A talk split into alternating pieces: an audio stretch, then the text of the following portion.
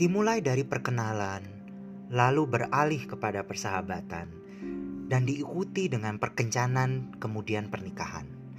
Begitulah bagaimana relasi dalam konsep heteroseksualitas dibayangkan, terutama dibayangkan dalam logika yang linier.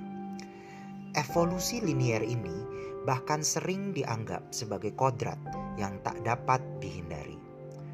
Berbeda dengan wacana dominan heteroseksual ini, banyak individu dengan orientasi seksual homoseksual misalnya memanfaatkan narasi dalam tanda kutip persahabatan untuk menamai hubungan romantis mereka.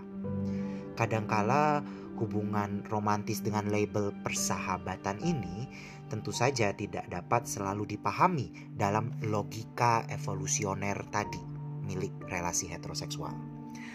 Dalam narasi persahabatan yang kemudian direkonstruksi ulang oleh individu homoseksual ini, kita bisa melihat ada seks, ada cinta, tetapi juga ada mimpi-mimpi untuk berbagi sehidup semati.